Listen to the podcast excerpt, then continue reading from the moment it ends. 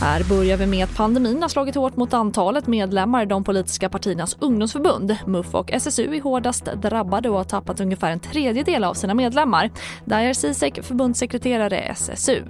Det här är framförallt ett demokratiskt problem. Man ser att eh, allt fler unga är oroliga inför framtiden och ser färre möjligheter att påverka framtiden och barn som tvångsvårdas på ungdomshem utsätts för systematiskt våld, det visar en färsk rapport från organisationen Childhood och Barnrättsbyrån.